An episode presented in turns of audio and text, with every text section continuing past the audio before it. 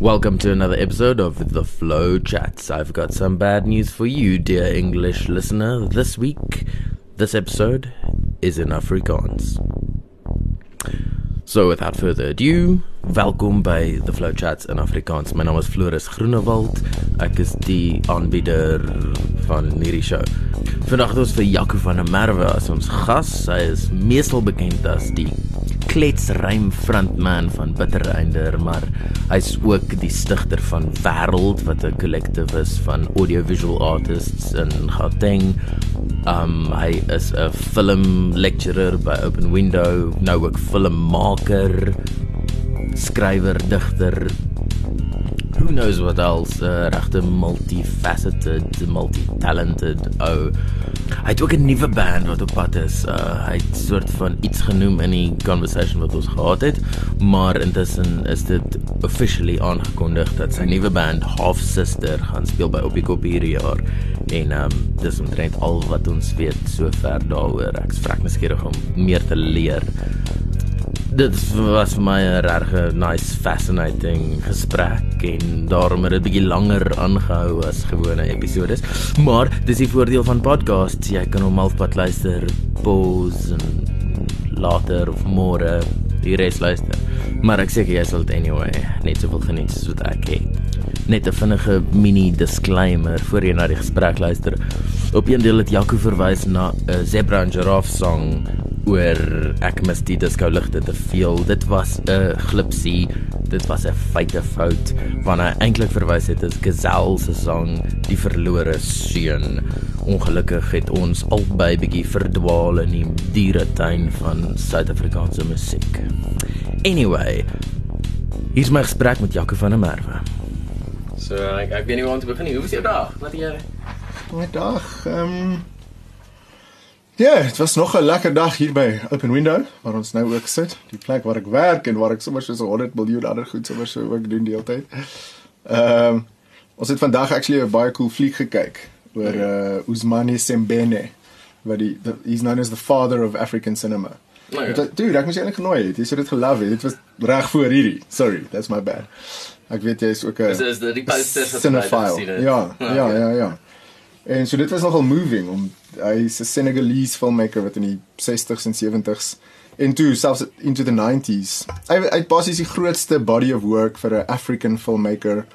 Ehm um, en natuurlik, jy weet, baie interessante werk oor hy begin werk doen het in die tyd wat Afrika independent geword het. Mm.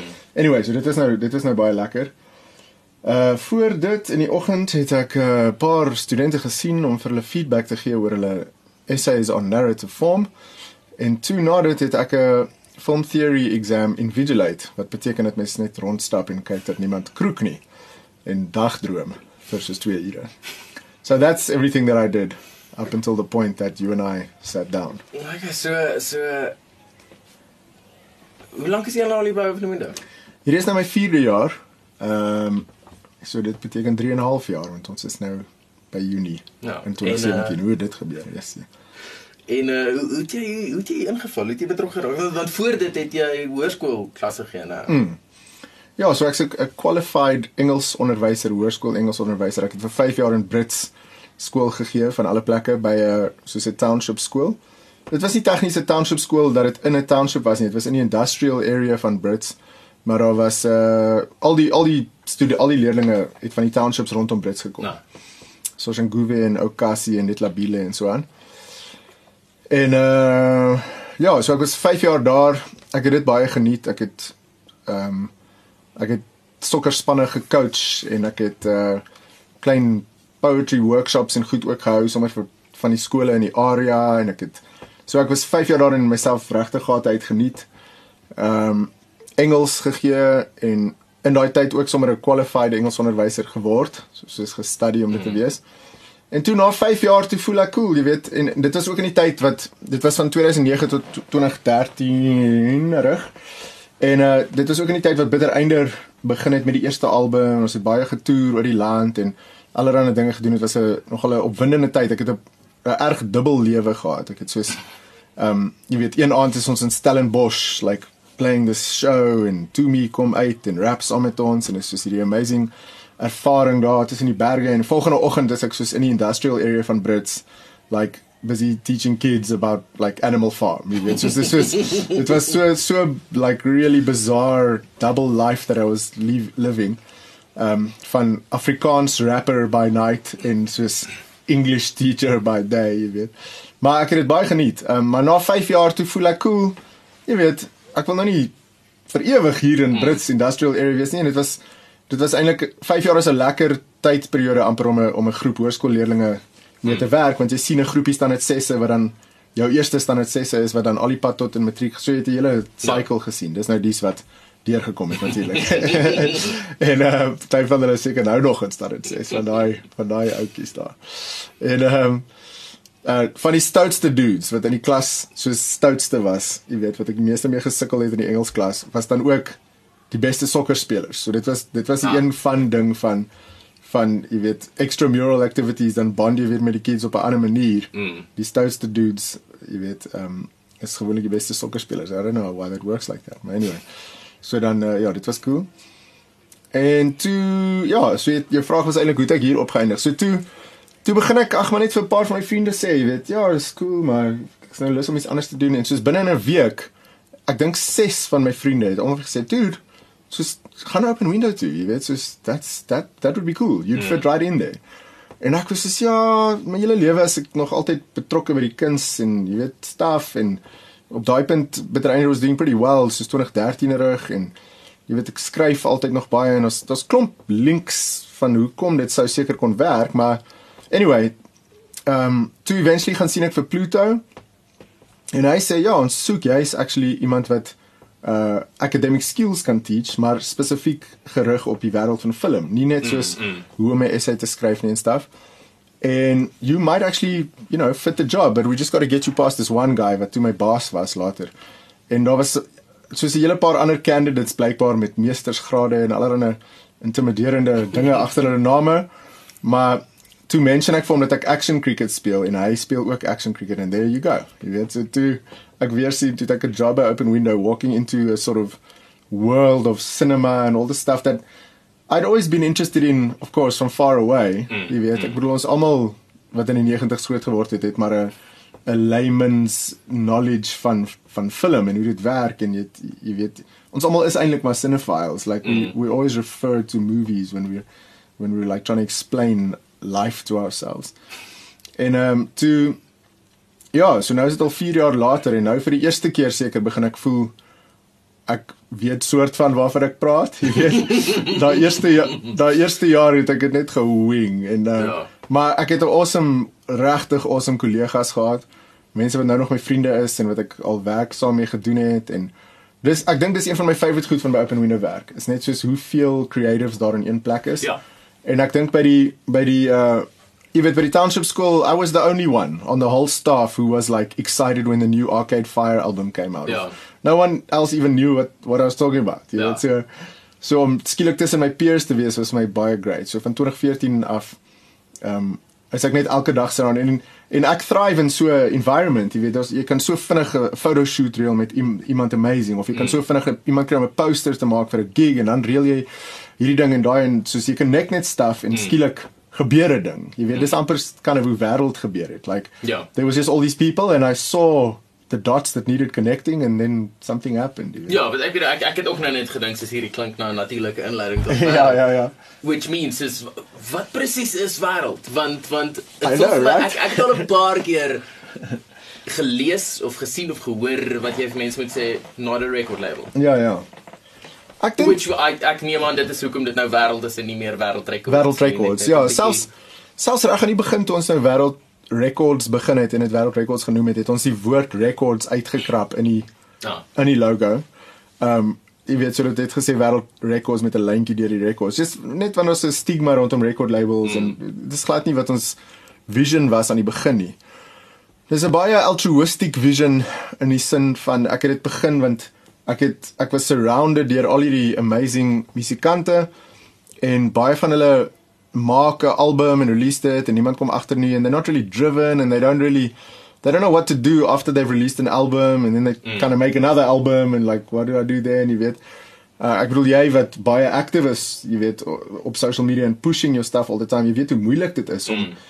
Ek bedoel ons is in 'n land waar Maar maar dit is ook, ek meen uit my experience uit dink ek iets wat wat as beginner jy net geen idee het nie en en dis die tipe ding met trial and error. Jy moet 'n paar foute maak voor jy agterkom hoe dit werk want omdat jy independent is en nie 'n label het nie, waar aldays as jy gesign het aan 'n label, doen hulle dit vir jou en hulle manage jou en hulle help jou.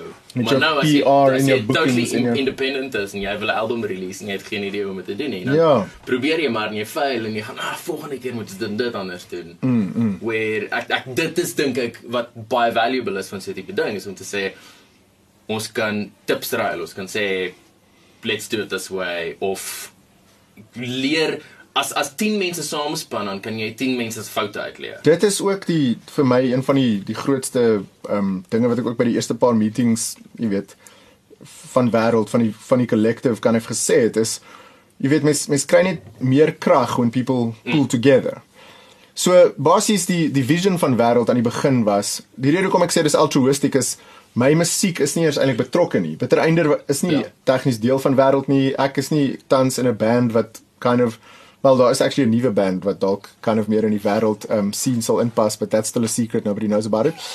Except now everyone listening to this podcast, but I'm not going to say more, maar die um die die vision was um om 'n platform te probeer skep waar hierdie dudes and girls wat soos beautiful musiek maak, maar hulle maak dit in hulle kamer of hulle jy weet there's no platform. They they don't know how to reach more people, especially in terms of bookings.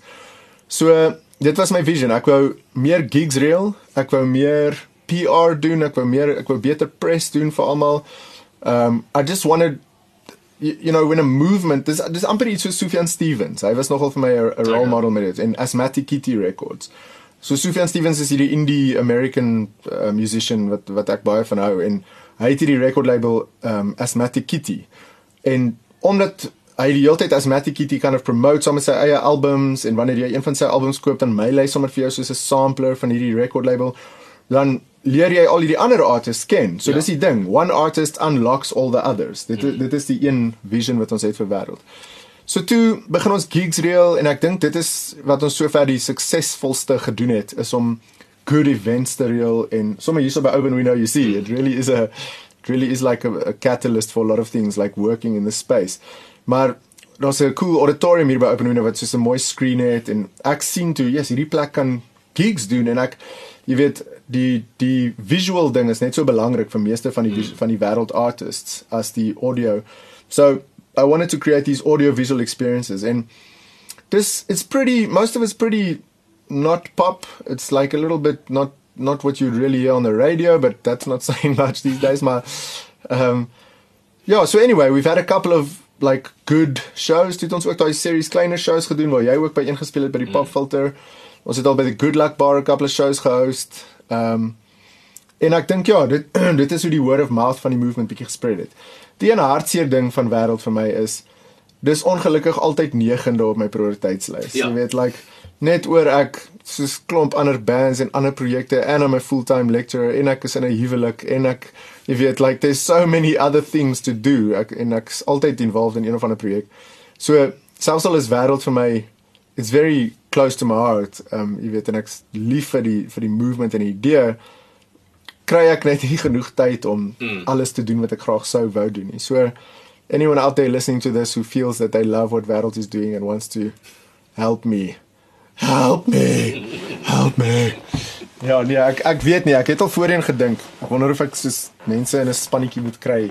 Ek het baie met Ben uh Ben Rausch gechat aan die begin want hy het ervaring met so many animal calls. Ja. dit is 'n label wat hy jare terug soort van aan die gang gehad het. En jy weet hy sê die cool ding van so 'n label is if you've just got a logo and a name jy weet people kind of assume there's this little office with like a lady answering the phone and mm. somebody signing stuff and somebody you weet soos 'n hele spannetjie but actually it was just him it was like just him and a laptop like yeah. that's the label you weet yeah. that's the thing en uh in wêreld op op baie maniere is so ek bedoel ons is 'n collective en ons so baie great visual artists like Micah Bucker het die eerste mixtape cover design en Louis die tweede een design en like jy weet al die posters like altyd befok en soos die jy weet daar's daar's net hierdie span mense wat so baie cool content kan maak vir wêreld en everybody chips in. Jacob Israel, jy weet master die die mixtapes vir ons en um maak sy studio available all up produce baie van die ander mense. So daar's daar's nou soos 'n total family, mense mm. wat soos soos jy gesê het, like dit gaan nie net oor tips vang by mekaar nie, maar dit gaan oor een van die keywords wat ek gebruik het in die eerste paar meetings was spark. Like ek wil net hê mense moet nie opgee nie. Like don't mm. don't mm. give up on your like I love your music like en dis wat my laat besef het I'm, I'm the one who needs to do this want ek is 'n legitimate fan van al hierdie mense. Mm. Like I mm. listen to their music. I download their free stuff on SoundCloud. I buy it on Bandcamp. I I do what needs to be done and like listen it en ek luister dit na dit in die kar. Dit is die musiek wat ek actually luister, mm. jy weet. En toe ek weer sien is daar soos 15, 16 sulke acts wat and I realized we we're all from Pretoria Joburg. We're all making there's a similar thread and ek dink die thread vir my is soos this auteur driven music. Dis soos gewoonlik een of twee mense maximum wie se vision in daai musiek uitkom. Dit is nie maar, maar bands nie. Eh, dit voel vir my die die paar voorbeelde wat waar ek nou kan dink soos Academy is ja. dit dis twee mense maar dis 'n baie singular vision. Dit is Jean-Louis se music. I mean, you weet again, the band wouldn't sound at all like what it does if Alex wasn't there, mm. of course. En Gerard was a, a, a, a asset as die derde member live. Maar but so so dis hoekom ek sê een of twee. Mm. I mean Jean-Louis and Alex, there's something magical when like husband and wife duos make music. Mm. You know, and that chemistry comes through in the music. Of iemand so Skyline is my nog 'n goeie voorbeeld. The Skyline on Fire, mm. CF en Werner. Like without the one it wouldn't be the same, you weet.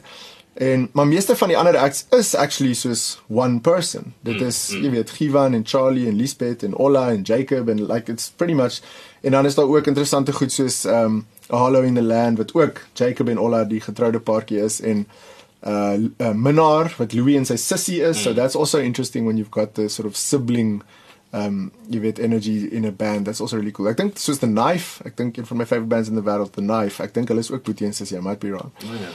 En um ja, anyway, so so it's it's the singular vision and en een van die dinge is ek kry baie contacts van bands wat wil deel wees van wêreld en dan I can't really explain, but that's not exactly the vision. Somehow, somehow the traditional, if you drums, bass, guitar, vocalist, that's not what Wêreld is about. Dit is soos oor meeste van die mense het een of ander elektroniese element wat saam met die akoestiek goeters werk op een of ander manier and there's just something like experimental for lack of a better word. Dis dis maar ja, amper ek ek dink nou is ook weer eens aan die wêreld shows en goed wat ek gesien. Dis mm. die closest wat daaraan kom is Hello Beautiful en dit is ook glad nie traditional band nie. Exactly, ja. Dit het nou 'n drum kit. Ja. Maar that's about it. Ja, dis nog steeds so synth driven mm. like for I don't know what that shit is, but it's beautiful. It's synth driven garage rock. Uh dit dis in die legacy van Kid of Doom natuurlik mm. wat wat hulle het hulle self Deep Space Champion pop genoem. So Makkie Johan se jonger broer, sy vision is somewhere in there, jy weet, en en Ben wat die live visuals doen, I mean the visuals really capture the feeling of the yeah. music, like gritty, jy weet 90s like 8-bit um gevoel en die found footage goeders wat so ingemeng word. Dit's 'n dit's 'n amazing act. Ja. Anyway, that's wêreld. Me rambling about wêreld. Ek het eintlik lanklaas oor wêreld gedink want ons het nou ons het 'n pretty good show gehad en was jy by die laaste een? Was Ek dink so. Was Mei, was dit April of Mei wat ons weer 'n lekker show hierso gehost het. En nou gaan ons weer en ek dink Augustus 'n show doen saam met die Impact Film Festival. Okay. Dis Pluto se se baby. Mm. Die Impact Film Festival is die is die grootste experimental cinema festival, experimental film festival in Afrika. Okay. Which I guess isn't saying very much. I, yeah. I doubt there aren't. I, I doubt there are you know that many. Maar um, dit is nog steeds cool. When it's here in Irene, it's here in Centurion, it's like it's the most prestigious one. Mm. En um, hulle ja, hulle uh, ons het ons launch actually gehou in 2015 by Impact. And it's a biannual thing. No wait, biannual means twice a year. Wat wat wat's die Ek dink biannual beteken either. Elke 2 jaar. Either 6 maande of 2 jaar. O, okay. Ek, ek dink dis een van daai weird woorde wat jy in albei kontekste kan gebruik. Maar is Of jy slaap met vrouens ook of jy Ja, ja. ja. Ehm um, nou anyway, so hy dit is hierdie jaar weer aan Impact Film Festival. So wêreld gaan weer 'n cool ding doen daar. Ons gaan van die artists gaan ehm um, kind of a, a live soundtrack doen vir sulke ou swart en wit movies wat wat gaan speel. Pluto het al Ja. Nou. Dis amper soos dit, maar hierdie keer gaan ons dit anders doen. Ons gaan klomp artists kry. Okay. Instead of just one artist doing the whole thing, mm. we're going to use a lot of artists and we're actually going to use some existing music and stuff as that okay. as well to mm. to lessen the load want uh, voorheen moes jy weet die artists entire new soundtracks create for like hour and a half movies and it's mm. very it's a big intimidating project. Givan en Olla het dit ook al gedoen en Skyline en Jacob het dit ook al gedoen so ja, hierdie jaar gaan ons 'n paar ander goed probeer. Weer eens Pluto se idee. We'll see, we'll see what we'll see what comes of it. Ja. Maar dan ook, okay, dis nou weer voel dit soos 'n natural transition ja, ja. van film toe. Ja. Wat wat wat jou link aan die soort van die creative kant van film van films maak mm. begin. Ek het actually daaroor gedink want toe ek nou my honeurs doen hier by Open Window toe is deel van die honeurs natuurlik 'n praktiese element soos ek mm. moet ek moet flieks maak, jy weet. En ehm um, die die skryfkant, die research kant was vir my nie so intimiderend nie. Hmm. Ehm um, jy weet ek swat al X amount of years, ek kan nie onthou nie, maar ehm um, so daai deel was okay. Like I can write a dissertation, I'll be okay, maar soos okay, now I also have to make movies, jy weet. En toe ek self bietjie daaroor gedink, waar kom hierdie roots vandaan en in dit 5 in die in die laerskool waar ek was, moes mens so daar was een projek wat jy moes doen. So dit is nou letterlik 1996 of so iets waar jy um 'n kort fliek moes maak. Oh, ja. En ek het so 'n klein documentary gedoen oor Yuri Gagarin, die eerste dude wat soos in orbit was, 'n Russian uh mhm. -huh. cosmonaut, jy weet. En um ek onthou nog daai thrill van jy skryf iets soos 'n screenplay, jy cast dit, jy weet jy kry props en wardrobe, jy bou stuff en dan moet iemand die kamera vashou en jy sê cut en jy sê vir hierdie dudes om so te beweeg en die storie moet so gespeel en in daai dae was daar nog nie editing in Windows, jy weet, daar ja. was nie daar was nog nie eens editing nie. Jy moes die ding letterlik skiet in die order wat ja. jy dit gaan gebruik want dis hoe dit op die videotape uitkom, jy weet. So jy en you you had one shot and everything like you couldn't fuck it up. So ja, ek dit is letterlik hoe dit was. Ja, moet jy die hele ding oor begin, daai make-up en daai hele scene reconstruct and whatever. So ehm um, maar ek onthou net daai thrill van making that movie en toe so 2000 en 2 het eh, 'n uh, goeie vriend van ons, ehm um, Carlos Solar. Hy was 'n Chilean en hy het uh, dit was eintlik voor 2002. Ons was nog op skool, ons was nog in matriek. Toe uh, hy was die eerste bassist in my eerste metal band. La, long ja, ja. stories now, we going way back now, maar ehm um, die band se naam was Silt. Ek weet as enige band Silt onthou nog in Pretoria se Nile Crocodile days. Then hello to you, good sir or good lady. Um I'm glad you made it. Dit is 2017 en jy's nog lewendig. That's amazing. Maar anyway, die ek ek's altyd so ek sê storie reg en dan net ja, ja. Jy, maar ek's altyd so jaloers as ek mense so hoor praat van die goeie ou naal krokodil. Ja. Waar was jy? Dit klink al te jonk. O, regtig, hoe oud is jy nou? Ja, uh, ek's 28. Nee man.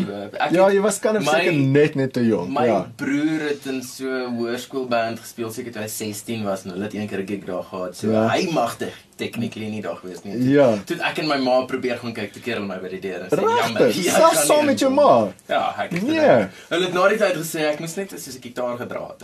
ja, ja, exactly. Nee, exactly. Ons het toe ons 15 was begin op Rock and Roll Crocodile oor ons band gespeel het, jy weet. Ja. Beach the band shoe het actually um daar was so een weird battle of the bands. Dit was uh ek kan nie onthou dit was een van daai RP Studios Emerging Sounds Battle of the Bands or something. En 'n so famous storie van Peach hulle was nog op skool. It is mm. totally illegal so let's hope no police are listening to this and uh, pitching up at Peach's house. But anyway, to deel van die reels was jy soos hierdie hierdie is 'n full on battle of the band so obviously deel van die ding is jy speel musiek but then they also had all these bizarre other competitions that the bands had to do against each other to like oh, yeah. win the battle of the bands so een was a pizza eating contest so, and on on Nile pizzas as satisfying as they were were pretty fucking gross but they were just satisfying because of how much beer you know preceded them and so forth maar Die ander een was jy moes 'n 'n pool game speel en jy moes ook toe was daar ook soos 'n beer downing contest, right? Yeah. Maar almal in die band was soos kids, jy weet. Toe speel en dan dan dan compete hulle teen hierdie ou ballies en dis sulke dis ja. sulke architecture of aggression tipe ballies, like those old guys with beards who like play metal and they they fucking aggro and so but also like sweet guys when you speak to them in real life.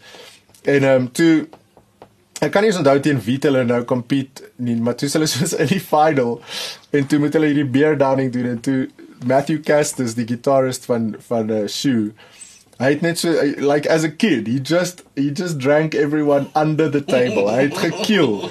En dit was soos die enigste ding wat Shoe gewen het. Hulle het soos net die drinking gewen and like lost everything else.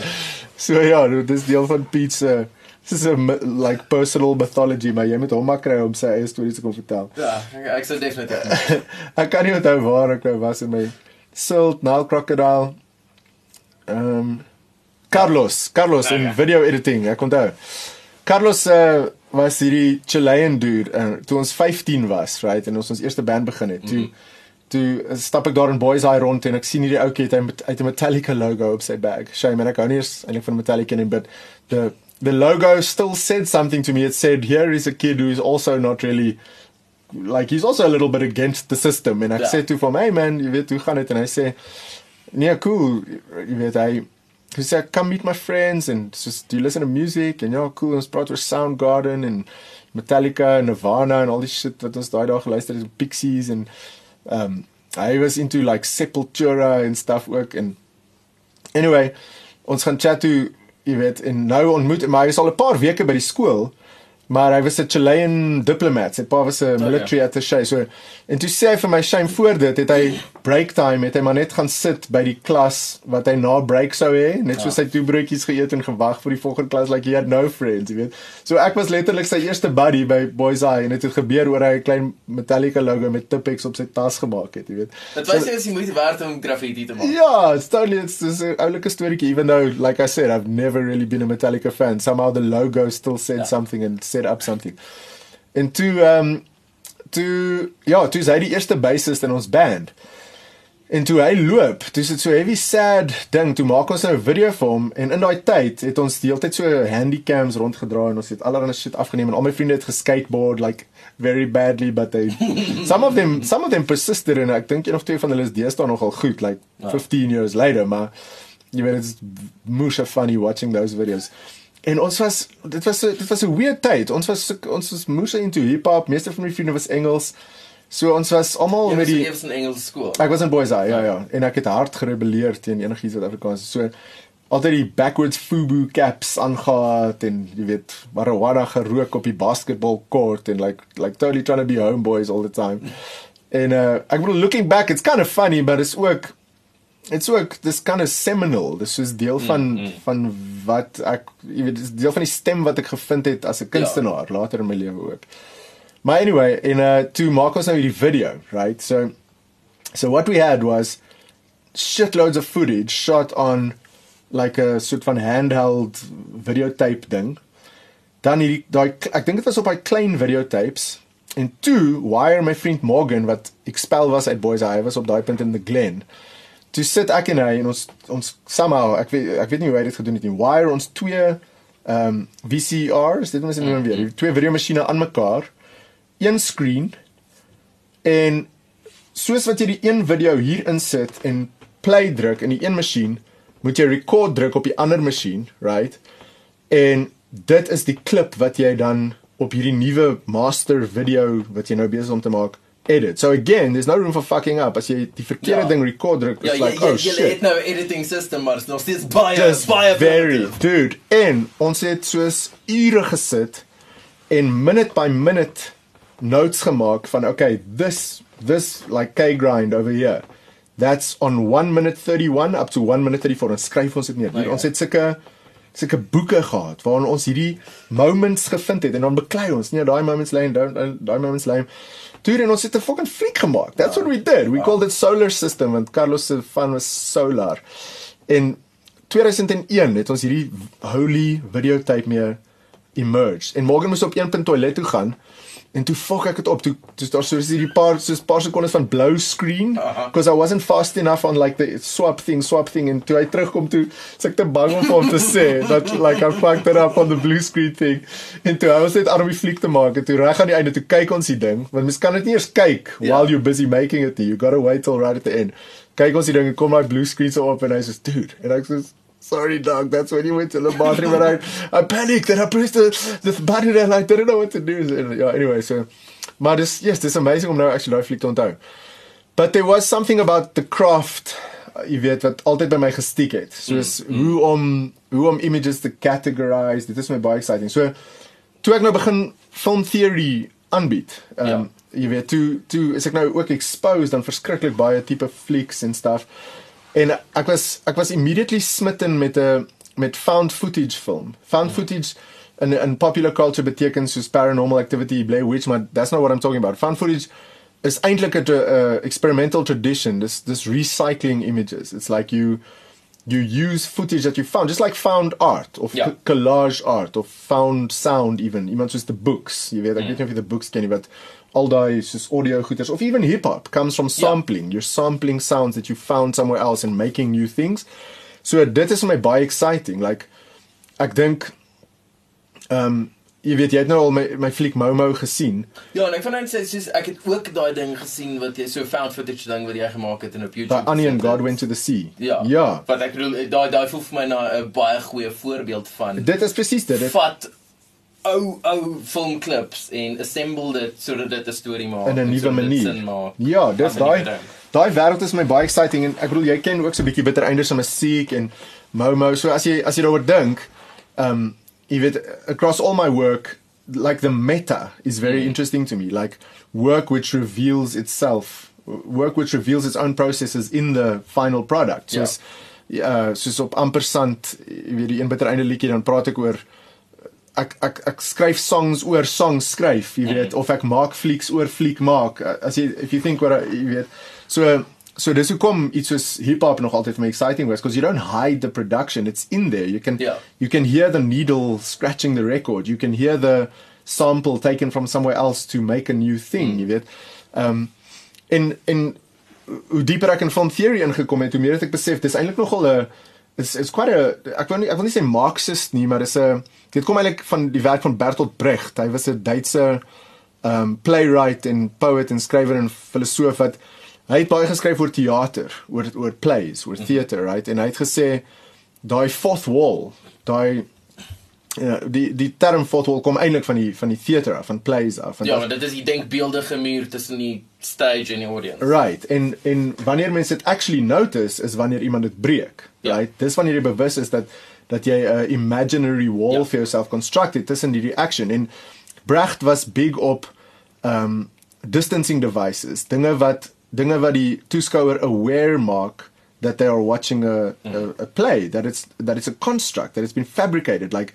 snap out of it don't be immersed in the story don't mm. just don't just like watch the movie and zone out and forget about your life like like be aware that there's something happening and make meaning like be part be an active viewer right yeah. and um baie van die film theorists die dudes die marxists en die apparatus theorists en so ek gaan hulle nou nie bore met 'n film theory lecture nie maar i mean it is actually pretty interesting that baie van hierdie dudes uh, Baudry en Althusser en uh, fucking Metz en van hierdie mense het baie geskryf oor um distancing devices in cinema which are used to make the viewer aware that they're watching a film and hulle het gehoop dit was baie idealisties it, it never really happened jy weet maar hulle het gehoop dat dit die viewer amper ideologically active sou maak. Like be aware that this film has some kind of message that it wants to sell you right? Mm, mm. and when the film reveals itself you suddenly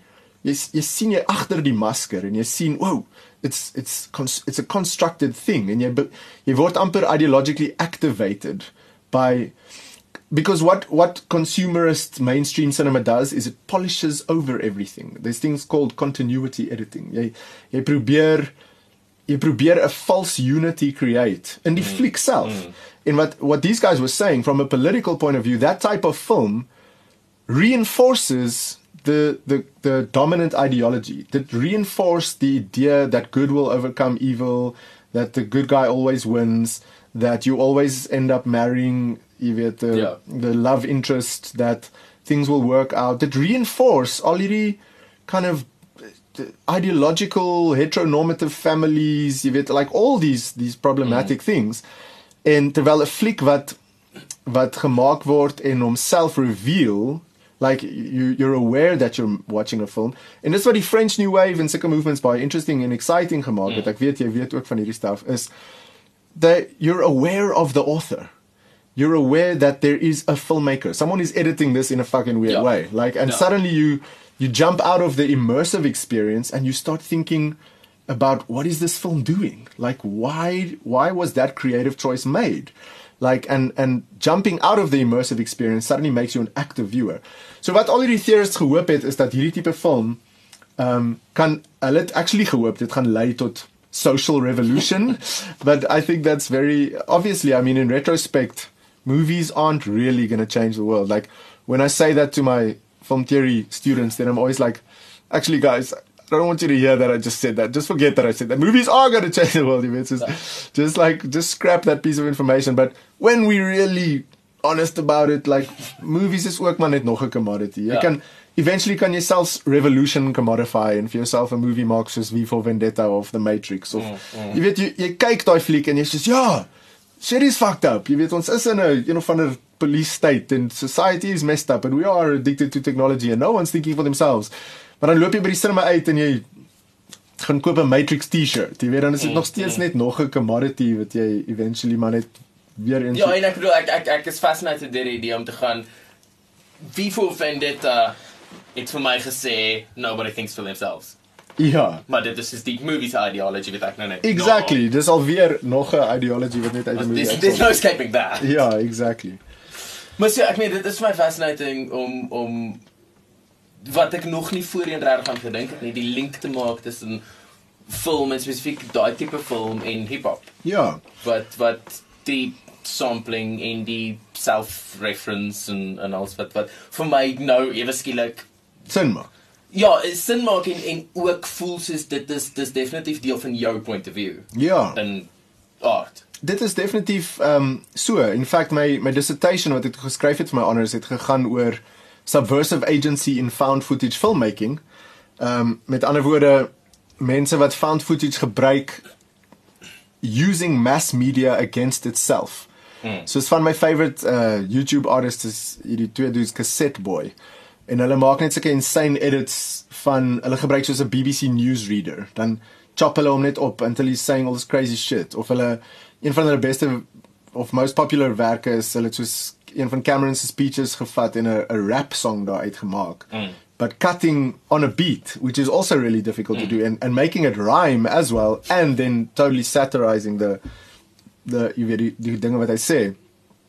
En ehm um, ja, so ek kan nie onthou wat ek wou sê nie, maar uit my so toe toe skryf ek oor dit, like subversive uh authorship in found footage filmmaking like yeah. you're you're using mass media against itself there was een dude wat geskryf het oor media jujitsu like you use the weight of the enemy against itself jy gebruik yeah. al hierdie shit uit mass media to ridicule itself en op 'n punt kan mens ook bevraagteken of van dit enigsins genoeg power is but at least you're trying at least you're mm. you know you're you're crafting a voice from the the fragments of post post postmodern society and trying to like fight back a little bit like mm. die een uh, Chinese dude wat dit ook doen het iets gesê van jy weet TV has been TV has been like I think I say fucking us our whole lives you know it's just it like it's been um screwing us our whole lives or something it's just now now we can use TV to fight back against it of iets is mm. I'm paraphrasing horribly but it was it was that and so this my baie exciting and natuurlik as I was reading and as I was writing about the stuff eventually het ek so 'n hele mini chapter geskryf oor the similarities between hip hop and mm. found footage filmmaking op daai vlak want hip hop presies soos jy nou sê is ook eintlik dit you're collecting sounds from all over the place making new things in hip hop natuurlik is very subversive by nature ek bedoel veral i don't think like modern commercial hip hop is very subversive maar the roots of hip hop is very much from a place of you know fuck the man and yeah. stand up and find your own voice and you're against the system and fuck the police and all that shit. So um daar's baie baie verge vergelykings om te maak. En ek dink as 'n kunstenaar self en as 'n jong uh jy weet confused Afrikaanse mens rondom die rondom die the turn of the century um was dit amper natuurlik dat ek aangetrek sou jy weet sou wees aan sulke aan sulke tipe maniere van dink oor kuns. Ehm um, 'n stem wat subversive is en wat die medium self gebruik om om die medium te attack. Mm, like mm. like uh jy weet ek dink die toestand van Afrikaanse musiek in die algemeen. Kyk, die een die een fout wat baie mense maak is hulle hulle praat oor Afrikaanse musiek asof dit 'n genre is. Mm. Like Afrikaans music is a genre but it's not obviously. Ja. mens kry dit is voel vir baie keer dit daai daai hele ding is begin deur musika wat 'n raket was wat sê in Afrikaans exactly. En mens kan hulle amper nie blame nie. Ja. Ehm um, jy weet want ek dink ons baie mense wat in die winkel instap en stryd gaan vir die rak wat sê Afrikaans natuurlik so, ja ja en en it makes sense. die tipe musiek wat hulle soek is gewoonlik dan daai ja. mainstream shit wat ons nou oor praat van en dit is wat mense dink Afrikaanse musiek is maar natuurlik binne in Afrikaanse musiek is daar thankfully eventually 'n hele paar genres en subgenres. En dis nog steeds nie so kleurryk as wat mense sou wou hoop dit moet wees nie. As jy mm. kyk na iets soos man I don't know like French music jy weet. Ja. Like if you go to France there's music in every genre and like fusions of everything. Soos in Afrikaanse musiek is dit maar nog steeds the, the the categories are still very broad Mm. Jy weet en ons daar's ek ek dink in die tyd van MK was daar allerlei interessante ehm um, dinge besig om te gebeur. Daar was die hele potch like screamo scene ja. en daar was ehm um, jy weet die Belleville scene obviously met soort van rock and roll vibes en eventually Paro ook uit daai scene uit emerge en ehm um, ja, Jewels is my 'n moeë interessante act wat regkry om oor baie genres te, jy weet, te te beweeg en nog steeds mm. hulle nuwe albums my amazing. Ek het regtig die die een wat sê okay. okay. Mm. Ja, daar's daar's 'n paar baie sterk tracks daar wat yes, wat my net gemove. Daar's 'n beautiful song met Valiant en so aan. En ehm um, ja, Arno Karstens het nou net 'n Afrikaanse album uitgebring wat vir my ook dis 'n baie valuable asset to to Afrikaans music.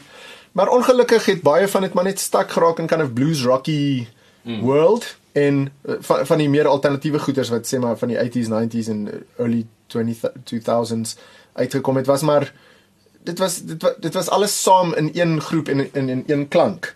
Ehm um, so ek sou nog steeds wou sien dat daar fucking I don't know, daar is nou hierdie weird like black metal Afrikaans bands wat ek ook al op SoundCloud gehoor het. It's pretty exciting, maar I don't know man, like where is where's a band like the National but, but in Afrikaans or where's a band yeah. like Radiohead but in Afrikaans you weet yeah. where's a band like, or not even bands like where's Bjork in Afrikaans like mm. why why do we not do that ja like, daar's reg nie rede dat ja dit nog nie bestaan nie ja of the of the is of of bang is ja of the knife of like you weet so, like all the shit that I really enjoy listening to daar's so min van dit in Afrikaans i don't mm. know why mm.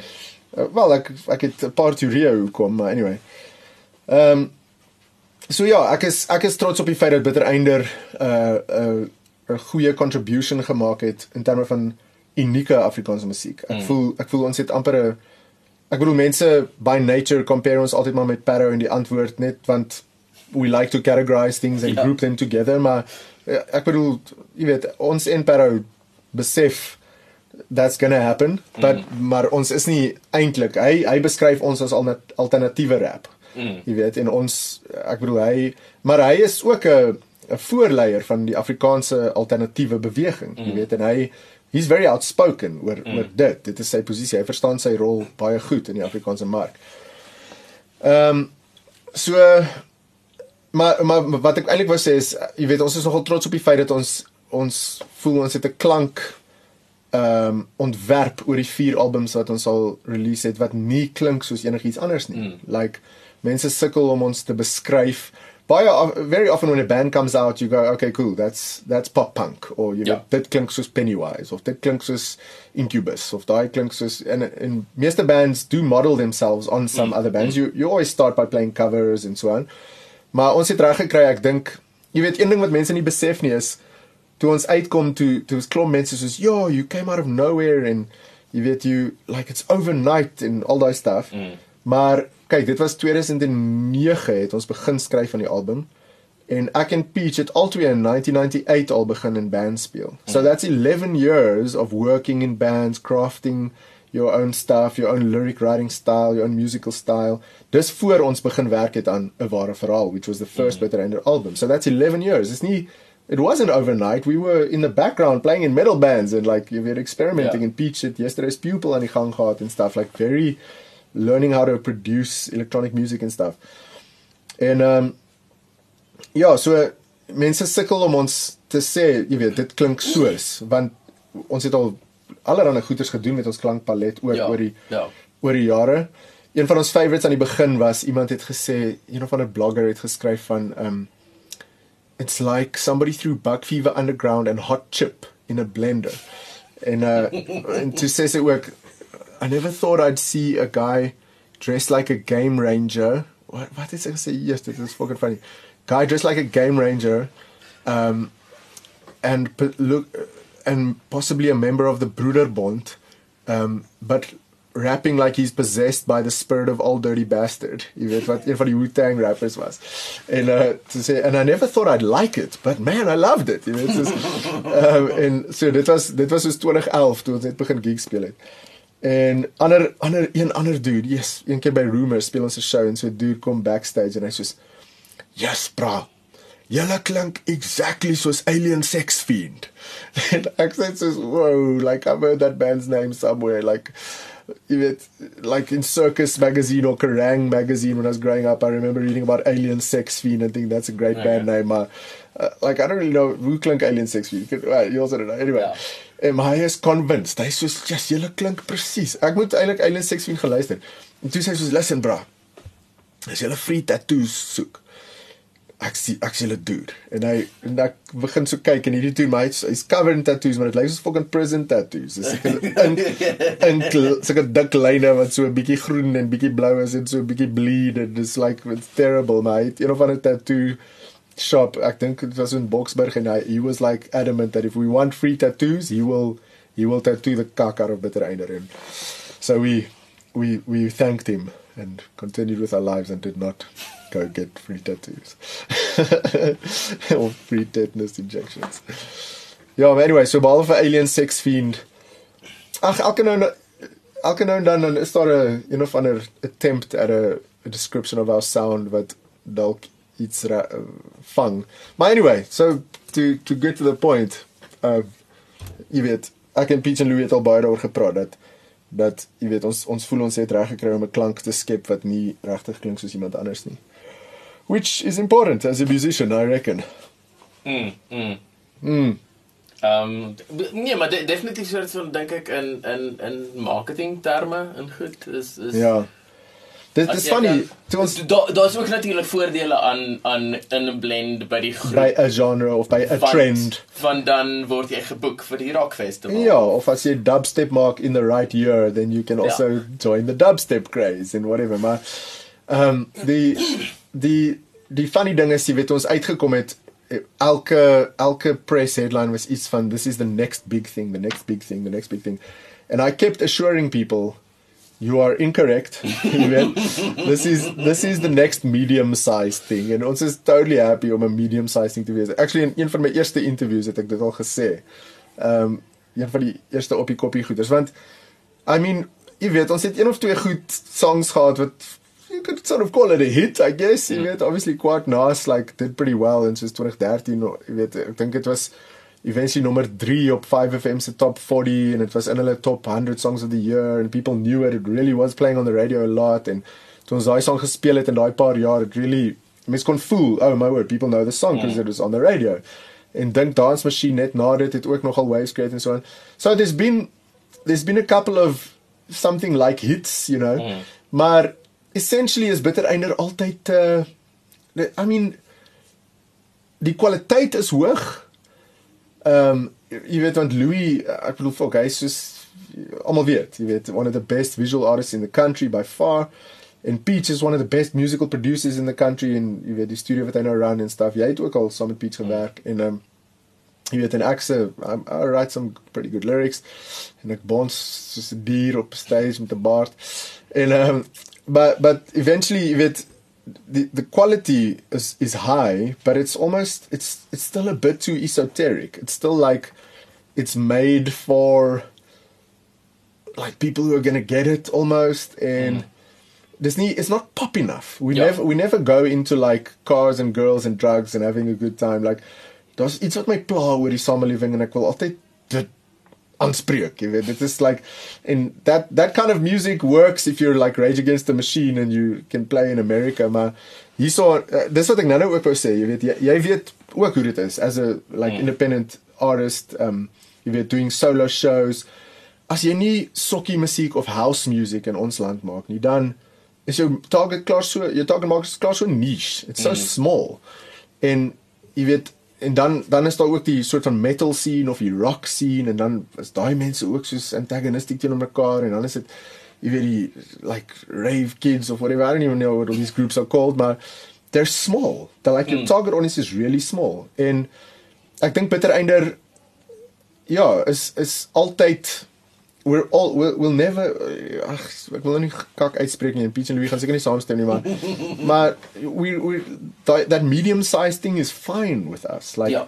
ons ja. speel ons speel al die festivals in die land we have a great time we like tour hard every year jy weet ons ons uh, ons continue ons day jobs want jy weet um this this wat bitter einder actually fun nou vir ons because mm. it's a side mm. thing it's like a it remains the passion project jy sit nie jy sit nie pressure op jouself van this must be your main and only salary nie want dan sou jy ook ander tipe musiek maak ja. seker ja. jy sou eventually begin dink maar wat wat hou mense van en hoe gaan ons hits maak en jy weet hoe kan ons hoe kan ons soos op 'n permanent world tour opeindig en stuff whereas we want to keep making stuff that we're proud of 10 years mm -hmm. from now we want to look back at that album and feel like that's a good body of work like that's a unique voice. That's something that we really felt at the time, and we we got stuck into it, and we made a good artifact, not a good product. Jy weet, dit moenie dit moenie net gaan oor die commodity en hoe hoe ver en wyd kan ons hierdie single stoot en sulke stuff nie.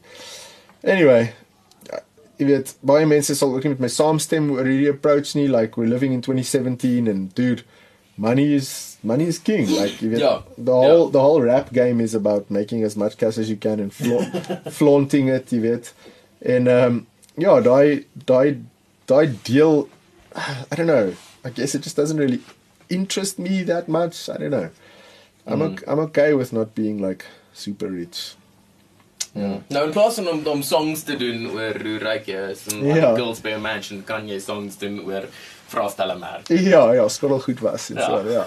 Seker goed. So, dit is ook weer 'n uniek ja. approach. Ja. Uh, uh, ja. Daar's baie Daar's baie rappers in Amerika en Engeland wat daai tipe approach mm. het, just like your average Joe kind of guy rapping about his life.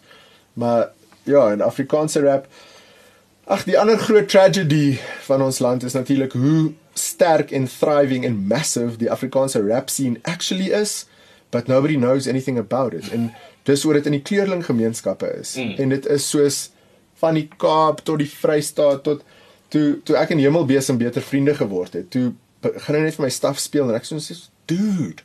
Dan sê soos ja, hierdie ou is in PE en hy rap al 20 jaar en weet hy het al 5 albums gedrop en dit is like fucking amazing. Like ja. jy weet en dan is dit nie hierdie dudes van Oudtshoorn en hierdie ouens van Paul, nie hierdie crew is daar in Woester, nie hierdie is en daar's net hierdie wêreld van Afrikaanse rap. That isn't all gangster rap which is mm, the other mm. stigma that that people have about like you know colored rap is all gangster rap. It, dit is nie. Dis just fucking poets like in daar's hierdie rich rich history and nobody knows about it. Mm. like this the, ek kan nie ek kan dit nie fathom nie. So besig met vir 'n ruk 'n show gehad op maandag aande op RSG dit was die ding se naam straatpredikante waar hy elke elke week vir 'n uur lank just played songs from this like vast legacy of Afrikaans hip hop. En ek wil die hartseer ding is baie van dit is obviously like recorded in garages and yeah. the production quality isn't great, but it's it's fire. Like these guys, mm. I am I am number million on the list of like good Afrikaans rappers and I'm totally fine with that. Like yeah. just net net om te besef hoe fucking amazing the dudes is and I'm talking here about like wordsmiths like crafting really intelligent, good, playful, witty um lyrics like mm. lyricists you weet and freestylers like people that will like you know devour you alive like amazing amazing rappers en ja So ek dink ek dink besig is op hierdie stadium besig om een of ander documentary ook oor dit te maak. Ek het nou ek het nou op sy Instagram feed gesien daar they're shooting stuff en hy is heeltyd op een of ander plek, jy weet, meeting some of the some of the rappers from the area. Maar hy ken, yes, hy hy is connected met soos die hele kind of rap scene. Mm. En ehm um, ja, dit was my regtig indrukwekkend. Ek, jy weet ek dog ek bedoel ek het in Pretoria groot geword. So toe ek in 2007 vir die eerste keer Afrikaanse rympies skryf, I was isolated. Like ek ja, het, ek ja. het brasse van die Kaap geken, jy weet wat een of twee keer by Joel kom speel het en wat ek by Oppie gesien het en wat amazing was en ek het hulle album gekoop. Pero het nog nie uitgekom op daai punt nie. Die hmm. antwoord was nog Max Normal of maxnormal.tv op daai punt. En ek het letterlik met 'n woordeboek gesit en Engelse rympies vertaal in Afrikaans in because mm. I had no frame of reference. I had no ja, other ja.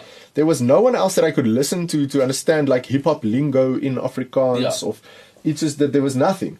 So ek het op my eie gesit en skryf en die die eerste hele eerste, eerste album geskryf, wel meeste van die eerste album toe in daai dit was 2007 en ek dink in soos in 2008ish toe drop Parrow se eerste album was al 2009 kan nie onthou nie.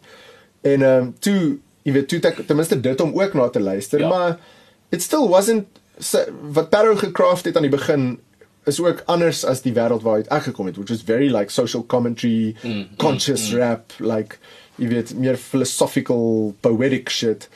Ehm um, en Ja, so so I was I was I was working in total isolation. Ek kan nie onthou hoe kom ek dit nou gesê nie. O ja, heeltemal onbewus dat daar actually hierdie wêreld was van al hierdie amazing ja. kleerling rappers that I just didn't know about. Ja.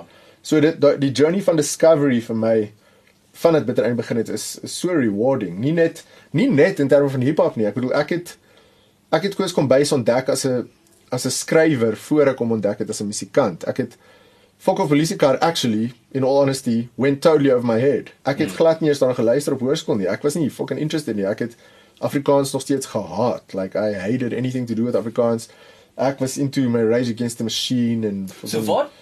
Sorry as ek nou weer Ja ja. En jy moet 'n bietjie te veel in 'n ander rigting gaan, maar ja. wat daai change kom? Wat wat het jy vrede gemaak met Afrikaans? Ja, so daar was 'n paar insidente. Ehm um, Ja, ag hierdie storie is nou al amper geëik oor ek het jy weet soveel keer vertel het en dit dit was so 'n groot deel van my eerste paar jaar van bittereinder wees, jy weet hierdie stem vind, my my Afrikaanse stem vind, maar ehm um, basies ek was in Engelse skole, like I said around the turn of the century en dit was nie 'n populêre tyd om 'n Afrikaanse kind te wees nie. So ek het baie verwerping beleef and I'm talking about actual like bullying and mocking and crying in front of other mm. kids every day and being called a Dutchman and you know, so I just grew up really really ashamed and but even like soos detesting Afrikaansness. Maar maar soos in in terme van jou ouers, jy kom uit 'n Afrikaans ja. Afrikaanse huis uit, nou. Ja, ja, so ons het Afrikaans gepraat by die huis, ja. maar dit is letterlik die enigste plek waar En dan switch jy af as jy skool toe. Ja, dude en ek bedoel ek en Peach and Louie itself Engels gepraat met mekaar ja. vir die eerste paar jaar. Op hoërskool as jy, as iemand Afrikaans was, you spoke English to each other. Dit was hoe dit was. Soos my jy weet, as ek Afri selfs ek het Afrikaanse meisie of twee gehad en ons Engels gepraat met mekaar. Mm. Al my ander meisies is Engels. Soos so I was totally anglicized in in my gedagtes en alles mm. like enigiets wat Afrikaans was was lame. Like mm. that's how I grew up in eerste tienerjare en stuff. So toe fuck off so wave gekom het, like I didn't even hit that wave. Ek het hulle actually sien speel by Joel een keer en ek gedink ja, that's pretty cool, but it also wasn't heavy enough for me. Like I was into a lot heavier music at that stage. En toe was ek net so so, it is pretty weird dat hulle, jy weet, in Afrikaans sing, maar the I I still don't actually own any of Police Cars music, sorry Hunter. um, maar uh, maar uh, die punt is um toe seker so 2007 het daar so 'n paar dinge net met my gebeur in 'n ry. Dit was alles so in 'n seisoen amper van dit was eintlik nogal diep geestelike versoening met met ek ek wil nie sê my mense nie want almal is my mense. I mean, jy weet ek dink ons is verby die punt waar ons so tribal moet wees en we're all global citizens eventually. Ons is almal my humans, maar 'n tipe versoening met hierdie groep mense wat ek so kwaad was vir, jy weet. Ehm um, een ding wat wat mense graag doen is dat jy weet we we create our own identity by defining who the other is. Mm. Uh en dis dis waar van enige mense oral, maar obviously ook baie waar van Afrikaanse mense. En um jy weet jy, jy sien the other en dan sê jy we are not like that. And for this reason and this reason and this reason I this who ek my identity bou is gebaseer op alles wat the other nie is nie. Something mm. like that, right? So jy jy set 'n oppositional ding op to define yourself. You're mm. actually defining yourself by what you're not right? Yeah. Which is quite a quite a sort of negative way of thinking, mm. but that is the human way. And um to uh die funny ding is van jy weet een van my vriende uh PJ Kotse wat ook 'n lecturer hierso was en nou 'n filmmaker is met Bonanza Films en allerlei cool projekte doen. Ek en hy het ook al 'n paar goed saamgemaak. Hy het sy honneurs geskryf uh, ook soos amper 10 jaar terug oor um Afrikaner identity en hy het mm. een van um Zebra and Giraffe se video's gebruik daai een van ek mis die disco ligte te veel. Oh, ja.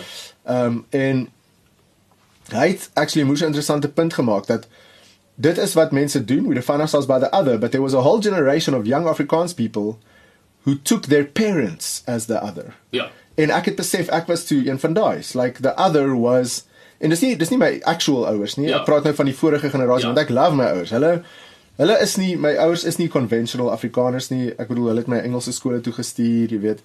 Ehm um, en vir baie ander redes. Ek het glad nie 'n NG upbringing gehad nie wat baie Afrikaanse jong hmm. mense mee sukkel vir verskeie redes, maar ek het glad nie dit gehad nie. So ehm um, ek bedoel maar net daai generation, right? Uh, like Afrikaner ideology, like hmm. nationalist ehm um, ehm um, uh white supremacist hierarchical ideology. Daai hele ding was my other. Mm. Like I grew up listening to Jurassic 5, Black Star, The Roots, like na die tyd besef ek, yes, this fucking insane. I was listening to this like black power hip hop music, age 15 and 16, smoking weed, playing basketball, trying to be like a little hood guy. Mm. What the fuck was I doing? Like I was a white kid in the suburbs. Like that en ek het 'n paar vriende gehad wat dan dan gaan ons uit en doen graffiti and like mm. we wanted to be hip hop. Like that was the thing and 15 16 jy weet 15 16 jaar oud like this is how we were behaving. Maar dis oor ek in daai stemme gevind het van daai dudes. Black Thought Most Def Talib Kweli jy weet in hulle stemme het ek Charlie Tuna jy weet van Jurassic 5 het ek iets gevind. Like I could relate to this wanting to stick it to the man. Mm. and the man for me Rage Against the Machine the man for me was the other. Dit was my the the generation before me yeah, who, yeah. who who did all these things that made me now really embarrassed to be Afrikaans. So dit is dis jy weet dis interessant looking back at it. I think I'm a bit over it now. Ek's nou al 34 en jy weet daai daai deel van bittereinder maar, maar dis ook wat dit so so amazing gemaak het. Toe bittereinder uitkom en ek ek maak versoening met my taal en jy weet mense wat daai trots my taal en al daai kak I, I'm not really subscribing to that want yeah wat hulle eintlik daar bedoel is my ideology. Like they they're using language as an ideological weapon and I I'm not down with that jy weet.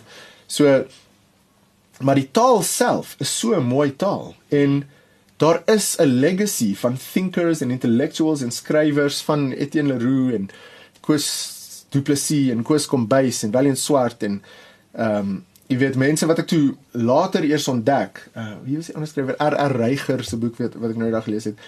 Um wat Breiten Breitenbach wat jy weet hulle was intellectuals. They were writing interesting art, but yes, uh, to be against the Afrikaans mainstream is to basically be non-existent. Jy weet mm. hulle was so suppressed en so so nie almal van hulle nie op verskeie vlakke. Ja, pra, ja. Ek praat nou ek I'm making a lot of unfair generalizations, maar um So toe ek vir die eerste keer in 2011 op 'n verhoog uitstap en dit was by Hotbox Februarie 2011 en ons doen daai eerste Bitter Einde album ons het die hele album daai aand gespeel. Okay. ons het soos die slang in die arend en al die ballads en penworstel en al daai tracks gedoen. It was this holy moment like vir die eerste keer in my lewe i was rapping in afrikaans Ek was Jaco van der Merwe. Ek was nie Ajax nie. Ajax was die Engelse MC name wat ek soos ja. gehad het vir 10 jaar voor dit. I wasn't hiding anymore. I mm. wasn't ashamed of who I was or what I was or so om om vir die eerste keer in Afrikaans te rap voor al hierdie mense with these songs that I'd crafted together with my friends Pete and Louis dit was full on. Dit was hierdie holy, maar ek bedoel ek kry nou nog hoendervleis en mooi daaroor dink, like the the the magic of that night. Jy weet mens kan nooit daai virginal experience amper weer hê van the first time that you did this album in front of people nie, maar ja.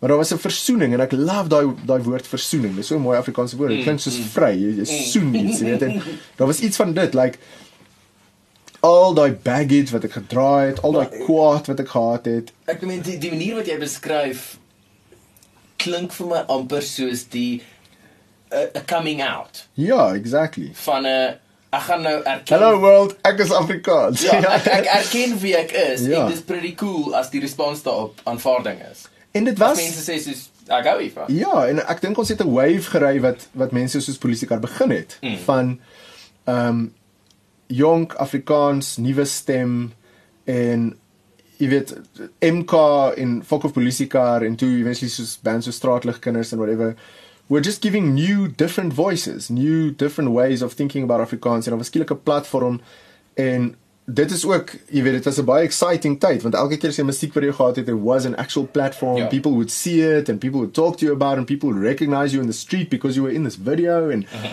mense het my herken vir Bittereinde se werk nog voor ons 'n live show gespeel het. Wat vir my so mm. fucking bizar was. ja.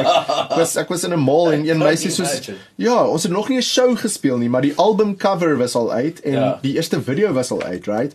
En toe stop 'n meisie in 'n mall my en soos ek love julle musiek en ek sê soos wow, en ek skrik my gat los want soos ek was nog nie reg vir die hele like mm. public meeting of fans ding like I don't know how to react.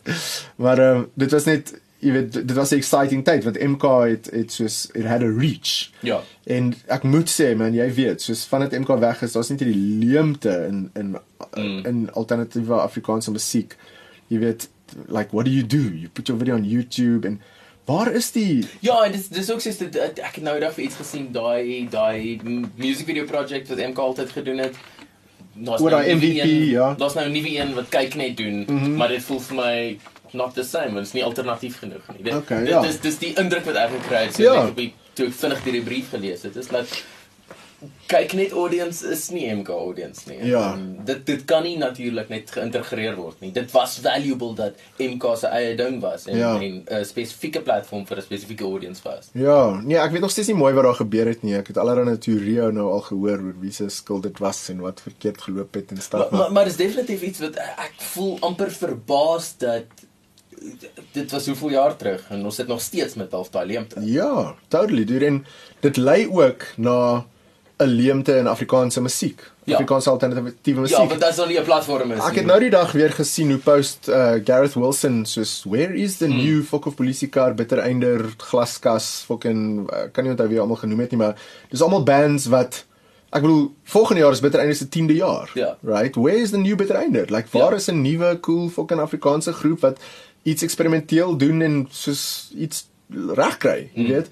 Ek dink daar is allerhande, soos ek sê, interessante goed op SoundCloud, but dis amper bands wat vir wat ook al rede te obscure en te mm. urban, te out there is wat wat anyway nie 'n groot audience gaan vind nie, maar maar ook ek meen ek ek dink ook as as daar daar's 'n 'n spesifieke middel.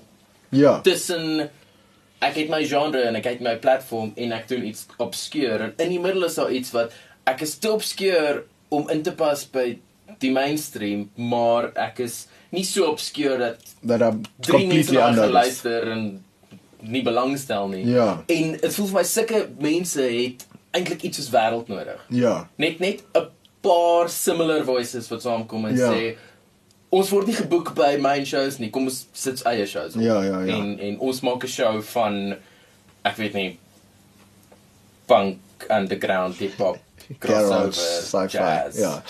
ja. Ehm um, nee, dit is so. Ek dink die Suid-Afrikaanse musieklandskap is 'n baie interessante een. Ehm um, en ja, daar's allerlei moeë cool acts dis daar wat net jy weet crossover is 'n keyword. Like jy, ja. as jy as jy keen is om 'n nuwe band te begin, Ehm um, sou ek vir jou aanraai wie ook al jy is, liewe luisteraar, om dinge te probeer meng. Ek dink dit is 'n dis nie die tyd waar jy straight up classic rock gaan speel of straight up hierdie ding, jy weet van van van die mees exciting acts wat ek onlangs gesien het soos iemand soos Black Motion wat soos dis twee dudes en die een is 'n DJ 'n DJ kind of house-erige goeters met mm. turntables, maar dan is daar hierdie fucking drummer wat saam met hom speel. Yes, dude. Like this yes, this guy is like made of percussion. Hy breathe net soos rhythm en hy speel hierdie massive drum kit wat net soos gemaak is van alles van verskillende djembes tot like okay. classic mm. drums and then he just jams like over this music mm. and it is dis insane ek het hulle die eerste keer gesien by die Samas ek dink so 3 jaar terug by die after party to um to speel hulle. Yes en ons almal was net so wow jy weet so stop the conversation. Ons en ek het nou die dag weer 'n video of twee van hulle gekyk dis dis regtig profound. So sulke tipe acts uh jy weet so so my advice would be if you're thinking of starting a band think of what elements you could get to to combine together that are slightly unconventional and make it work. Ja, sien jy nou daai dooie spot wat jy van gepraat het wat partykeer in podcast gebeur. Exactly. nee, maar ek bedoel ek ek ek stem totally saam met jou en nie noodwendig crossover nie alhoewel ek dink dis die, die maklikste en most natural manier van so iets doen. Ja. Maar as jy as jy reg wil uitstaan en nou dink ek aan bands wat ek sien wat ek dink that's something new. Ja. Dis exciting ons moet hulle dop hou. Ja. Is dis of 'n crossover vibe of 'n ek weet nie in watter boks om hulle te sit. Ja, exactly. Dit is 'n dis 'n hartseer tyd op baie maniere oor ons net so flooded is met content mm. like we dude. Ek bedoel jy onthou hoe dit was om op te spaar vir 'n maand en koop jy 'n CD, dan luister jy die kak uit daai CD uit vir 'n maand, right? En dis al waarna jy luister en dan volgende maand het jy genoeg sakgeld om koop jy nog 'n CD en dan so maand vir maand groei jou CD collection, maar dan in 'n jaar het jy 20 CDs regtig goed leer ken. Mm, the ja, full ja, album. Ja. You knew all the songs. As een song ophou, kan jou brein al klaar hoor wat se song begin volgende. Jy weet jy you know the obscure tracks and you were listening to albums. Like dit was 'n album ding. Jy weet, mm, mm. jy het daai CD booklet uitgehaal en jy die lirieke gelees en jy die artwork waardeer en jy het, ek bedoel ek ek het nou nog like imprints in my mind van all my favorite CDs. Jy weet ek yeah. het ja. nou nog 'n massive CD collection, maar honestly kan ek nie onthou wanneer laas ek een ge, geluister het met my ek hou nie van my original CDs in die kar te luister nie. Mm. Hulle krap en word opgevok en my DVD player het soos 2 jaar terug gebreek. So en I I don't watch DVDs anymore. So ja. ek het letterlik nie meer wel ek kan in my kar nog CDs luister maar ek luister nie meer CDs nie. So I've ja. got this big CD collection but it's it's like just lying there. Ja, ek ek het ook al met met my musiek vir mense soos 'n CD gegee. En dan hulle soos ek so paar cheapy singles wat ek ideal. Ja, ja. Hulle sê sorry, ek het niks om hierdie mee te speel ja, nie. Ja, nee, dis so hard sê hoe dit gebeur het. Who would have thought, hè? Maar ehm um, maar wat ek eintlik oor praat is die die experience van musiek en die die flood van content wat mm. ons deesdae mee flooded is is Dit is so sad dat ons dinge vir, moet sê vir up and coming musicians so staan uit, jy weet. Ja. Vind 'n ja. manier om uit te staan, like get a, get some kind of trick, jy weet. Uh, ja, yes, ek het nou amper iets lelik gesê oor ander musician, maar ek bedoel, okay, hierdie hierdie is nie lelik nie en Perro self sal daaroor praat. I mean, yeah. if I just say Perro, you say die lang fucking pet. Like that was the thing. Like it it was this clever little thing. Yeah. And it just it just meant that there was a connecting point for mense in Holland om te sê oor die ou met die lang pet and then as soon as you say oor die ou met die lang pet dan sê jy o ja hy daai cooler is ek 'n song and whatever it's almost like the the the the En ek ek ek is dit om te sê gimmick want fok hy's uh, jy weet hy's 'n vriend van ja, my dis nie ek ek ek bedoel ek, ek dink een ding wat wat hy van die begin af baie goed is mee en nog steeds is is branding. Dude, hy is 'n befokte brand brander. Jy weet en hy verstaan homself so. Mm. He's he's a living walking brand en ja. hy hy werk harder as enigiemand wat ken. Ons het al mm. saam met die dude getoer. It's like it's it's one interview, one meeting, one thing after the other one phone call interview, one photo shoot, one collab with this DJ. It's like insane. It's all the time. And um so jy weet uh, like van braai sous tot Perro brandy tot like dis die ding. He understands um that music in the 21st century is so much more than just music. Ja. Jy weet. Maar anyway, back to back to what we were saying is dis hartseer dat mense amper nou vir mense moet encourage, jy weet, vind daai ding om nou uit te staan mm. of whatever want why can't you just make an album and let it be a true reflection of your voice and even Ja, en en en ook in terme van skill as jy regtig goed is met classic rock. Ja, like do that, jy weet. So dit is dit is so sad that face and mense se attention span is baie laag. Mm. Like in in jy weet ek ek sê dit asof dit ander mense is, soos ander mense, maar ek vind dieselfde is nou waar vir my. Like ja. I listen to singles. I watch a video of a band and decide whether I like them or not. Like I dos dos net te veel. Like ja, ja. Dis dieselfde is is dis dis in terme van musiek is het jy Apple Music of Ja, en nou het hulle al daai recommended playlist goed as well. It's just like shooting ja, new stuff at you all the time. Dit voel vir my dit dis dieselfde as as YouTube is is up next, jy weet hulle Ja, en en ek dink net soos vir iemand soos Justin Bieber wat begin as 'n YouTube sensation, ek kan nie sien dat dit maklik weer gebeur nie. Want as net soos YouTube direk jy na die mainstream goed toe. Wat die meeste views het en ja. so. As daar's so baie content dat as ja. jy wil uitstaan daar, ja. you need something else pushing our views. So basically guys just give up. ja. That's what, what, what can we do? Ja. Nee, dit is maar 'n dit is maar 'n fight en ek dink jy weet een van die een van die most valuable stukkies inligting of stukkies advice is don't do anything for the fame or the success or the money. Like just don't. As jy dit doen, selfs al kry jy daai tipe sukses, gaan jy nie gelukkig wees nie. Like mm. I mean, dude, hoeveel rockstar stories moet ons hoor van they become depressed and suicidal? Like this is just like, oh, do you guys not see how that works? If it's just if you're making music to be famous or to be successful or to get rich, I can pretty much guarantee you you won't find any kind of happiness or satisfaction in that, jy weet. Daar's 'n lovely TED talk deur Robert Waldinger wat so uit so hulle they did a 70 year study on happiness. Ek weet nie of jy dit al gekyk het nie. Die ding se naam is Klink vir my vir my leer. Die ding se naam is The Good Life. Um en basies het Harvard University nou oor die laaste 75 jaar 'n studie gedoen on human happiness. They had like a sample of like uh, like 150 people or something and mostly men. En hulle het eers Harvard graduates alleenlik gedoen toe hulle 'n groep armer mans in Boston opgeneem as as subjects. And they just tested them for like for 75 years. They they've kept the study going eventually including these people's wives and their children. Every year they just ask them a set of questions mm. record their responses they test their blood they really they're thorough in this examination. And what they're trying to get at is what makes us happy what makes humans happy En hulle jy weet I, I point out like millennials their most obvious answers will be money and fame right? Those are two of the biggest answers that mm. that people give. Like this is obviously what's going to make me happy like being known or being rich. And i say what their studies found is um say nou jou your basic needs are covered at kom ons gee nou net 'n random uh, nommer sê maar volgens wat ook al kom ons use a totally random number so 10 rand a month. I know that's a bizarre yeah. example, but I don't want to give an actual number because a lot of people in this country do live on a fucking like an amount of money that would make us stagger, right? Yeah. Ek het nou die dag gehoor hoe sê Jordan Peterson that in 1895 the average human was living on a dollar a day in today's money. In today's money, not in a mm, dollar a day mm, those. Mm.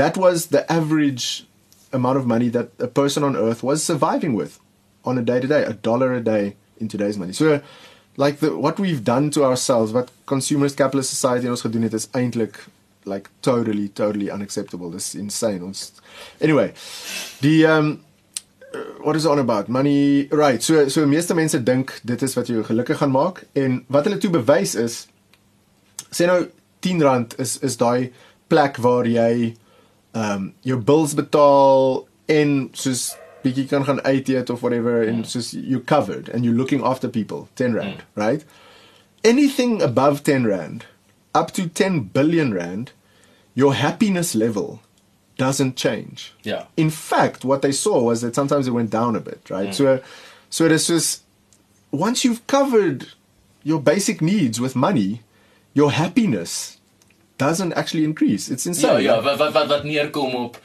geld maak jou nie gelukkig exactly. nie om jou needs te cover maak jou gelukkig. Exactly. If you can make enough to just cover the basic and he's talking about basic needs, yeah. right? Then from there happiness doesn't increase. And fame, he also points out like I just said earlier, fame usually leads to a kind of sadness mm. to the, the invasion of of of your you the intrusion in your privacy and stuff is moes damaging for mense so mm. so like those two things that are set up as these ideals they put on these pedestals they're destructive forces mm. en wat hulle toe bewys aan die einde van hierdie ding is after 75 years of study like what it comes down to is the things that make humans happy is relationships like mm. that's it that's what it comes down to like mense wat in hulle happiest is as octogenarians, people in the 80s, is um people who feel that there's someone else there for them. You weet? Mm. Like that's what it came down to. Like mm. and it, it literally affect your dementia, like it made people physically ill earlier mm. if they didn't feel that there was someone there for them at all. You weet?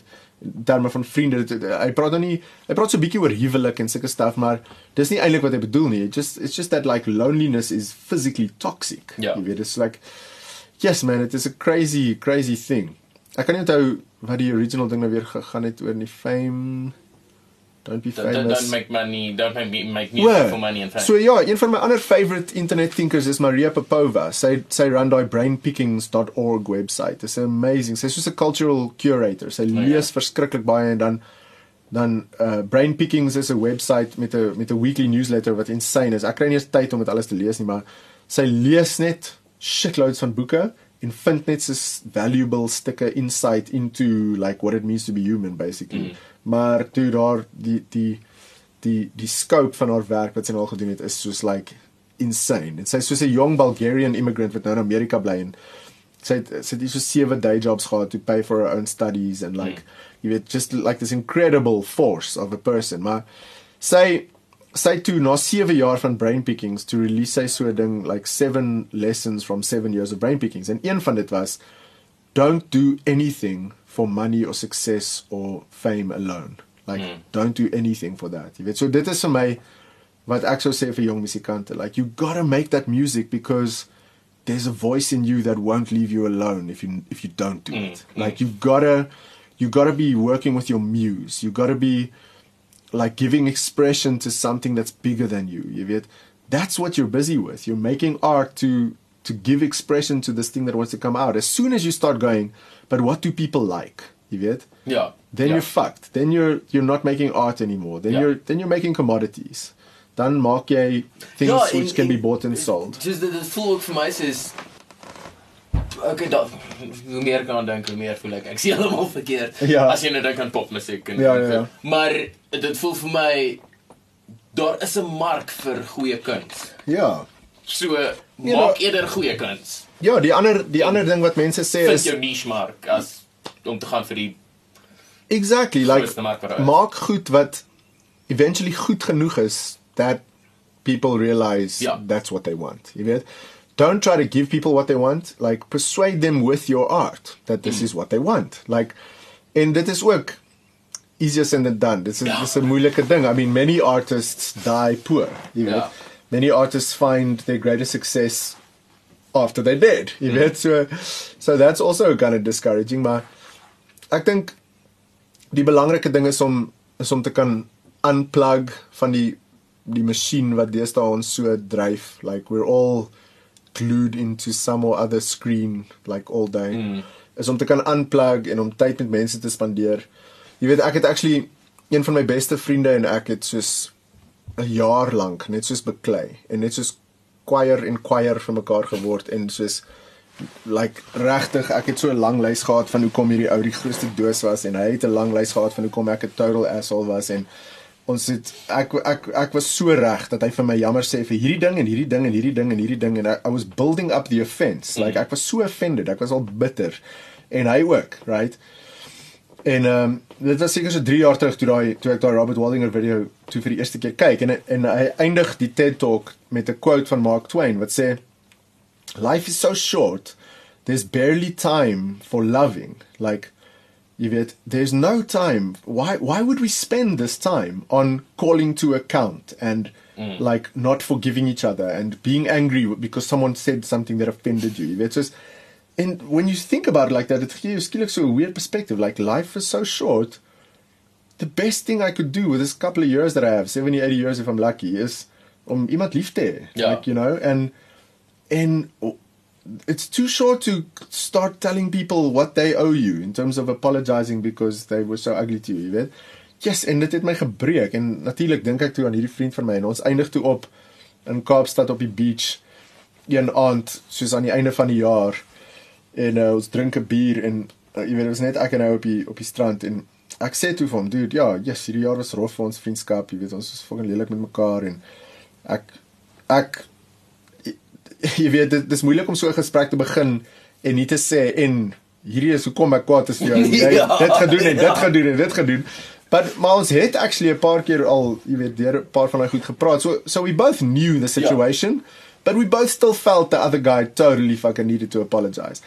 and to and to daai daai video my daai TED talk actually you know this is a living testimony van hoe powerful daai idee is dat ek net vir hom sê ja man like jy weet ons kon al soveel jaar saam like I I'm I I'm literally letting all of this go. Like I don't care. Yeah. Jy weet I can't hold on to this. It's making me so bitter and it's dit fok ons hele vriendskap op en actually as ek mooi daaroor dink is ek heavy lief vir jou. Jy weet soos dude ek love jou en ja, to to say ja, hy hy's ook kind of moeg vir al hierdie gevoelens en like let's fucking bury the hatchet en toe drink ons 'n biertjie, gee 'n drukkie daar op die beach en wind waai en die maan skyn en it's a beautiful moment and lit and I mean it's not like you weet niemand is perfek nie en is nie asof mens kan sê cool dit was alles amazing nie maar ja. dit was like it was ja. so much better it was so much better want dis wat ek besef het ek mm. is nie ek het nie eintlik tyd om so kwaad te wees vir mense meer nie mm. en die hele tyd te voel die wêreld skuld my iets en stuff that you weet life is short like ek wil liewer my tyd spandeer giving rather than like waiting to receive jy weet soos i rather want to jy weet just be a force wat wat mense bly maak om naby my te wees as wat ek jy weet mense afsit want hulle voel hulle skuld my iets of ek gaan alweer kwaad wees vir hulle mm, mm. iets was dit you know what i mean Anyway, yeah, that got that got pretty philosophical all of a sudden. Maar dit dit voel vir my soos 'n goeie punt om op te eindig. Hoe is dit? Is, goeie, hoe lank chat ons al? Lank. Lank. Maar maar ja, wat wat ek net gou-gou voor ons baie sê. Ja. By jou wil check is is ek dink julle is besig om te werk aan nuwe bitreinder staf.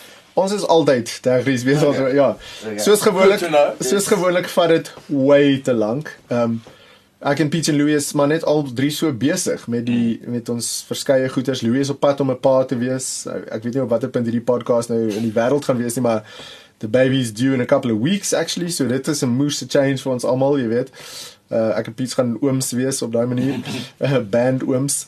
En ehm um, Piet het Johannesburg toe getrek en hy werk nou by studio daar en dit hou hom baie besigger as toe hy hierso in Pretoria gewerk het. Uh jy weet ek werk voltyds hier by Open Window. So tussen dit alles deur letterlik sien ons mekaar partykeer vir maande nie of soos net by 'n show. Jy weet net ja, by 'n show ja. sien ons mekaar. Ons is tegnies nie 'n band wat soos 4 keer 'n week band practice hou en mekaar die hele tyd sien en met mekaar uithang die hele tyd nie. Ons mm. jy weet ons ons op daai manier lewe ons nogal verby mekaar, maar daar is 'n paar baie cool idees vir wat ons wil doen. Ehm um, daar's seker so 5 songs in the working at the moment en ons is excited om weer 'n paar collabs te doen want die eerste twee bitter einde albums dink ek ons het soos 23 collabs gedoen of iets insane ja. soos dit en toe die die derde en vierde een het ons net soos 3 collabs gedoen in mm. total. So dit het dit het hand uitgeruk op 'n punt het Peace and Louis vir my gesê wil jy nie 'n bietjie met ons collab nie na ek na ek die hele tyd net soos met ander mense gekollab het. Ehm um, en uh, jy weet hulle so ek het die, ek ek was moes 'n trigger happy. Ek het net soos mense approach vir collabs nog ja. voor ek eers met Peach en Louis mooi daaroor gepraat het. Dan sê ek net soos ja, hierdie dude gaan nou op ons song rap. Dan sê hulle soos wie is hierdie dude? Dan sê ek so sorry, ek het klaar vir hom gevra en nou is dit gaan dit ook wees as ek vir hom sê hy kan nie meer nie. So ons moet nou maar 'n song doen, jy weet. En dis hoe dit gegaan het die eerste en toe toe hulle soos dude, let's make some albums where it's like as jy weet toe toe doen ons dit maar nou is ons weer keen om bietjie ja. saam met ander mense te werk so 'n paar jaar later. Soos ek sê volgende jaar is jaar nommer 10 vir Bittereinde so dit is ook nogal 'n thing like a whole decade of making music ja. together. En ehm um, ja, soos ek sê daar's eintlik hierdie ander band wat wat ook Pete and Louis weet nog nie eers daai band bestaan nie. I haven't actually told almost anyone. Ek dink daar's so 5 mense in die wêreld op hierdie punt wat weet dat hierdie band bestaan. Ehm um, so jy Floris is nou nommer 6 en almal wat die podcast luister wat ook al tyd dit is, maar dalk is dalk is die band al in die in die in die in die buite buite wêreld in daai tyd.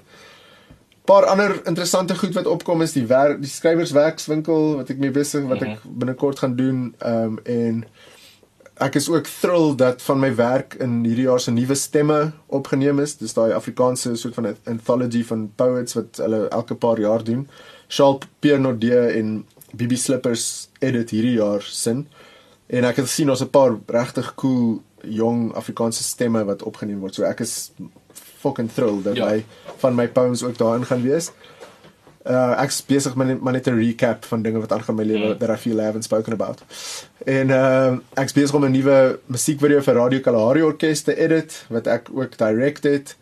Ehm um, en ja, yeah, that's that's not Ja, so dan dan dan jy maak 'n music video en verder on the filmmaking front is Ja, so verder on the filmmaking front het ek so 'n klein uh ding top joller films mhm. begin mm. net want ek het gevoel ek moet maar 'n name agter die agter hierdie groepie flieks wat ek nou maak sit. Ehm um, so ja, ek het 'n paar idees vir nog kort flieks wat ek graag wil maak. Ek geniet die screenwriting proses obviously baie, jy weet. En dit is my lekker om dan dit te vat en images self daai te maak ook, mm. jy weet hierso by open window pride ons osself nogal daarop dat jy weet we filmmakers leave here being able to do a lot of skills. Ja. Dis nie asof jy net specialize in net cinematography of net editing nie. Jy kan kan op so 'n bietjie van alles doen. Die een ding wat ek actually glad nie interested in is nie of glad nie self doen nie is the actual shooting. Like I'm not a techie. Like I don't give mm. a shit. Mm. It's just ek ek het 'n shot in mind en soos ek weet wat ek wil hê van die image maar somebody else can do that. Yeah. like seriously. And this this work is with music work like i don't know what the amp's name is or what the pedals name i don't care it's just, i just want the mic to be on so i can fucking scream into it. Maar die um maar so die die uh, filmmaking ding ja die uh, um ja ek en PJ het ook al chat ja couple of ideas. Niks vas op die oomblik want ek is ook besig om nou my meesters te begin. So dit gaan ook nou weer nog tyd vat en um maar ook pretty exciting pretty exciting time. And ja lots of music lots of writing. So ja dis amper die tyd vir films ook nog. Dit is uh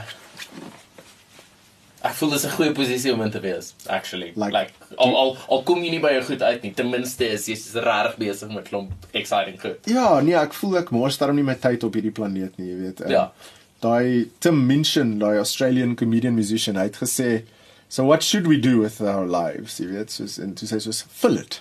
Like and toe sê hy soos not like fill it the steak, like fill it.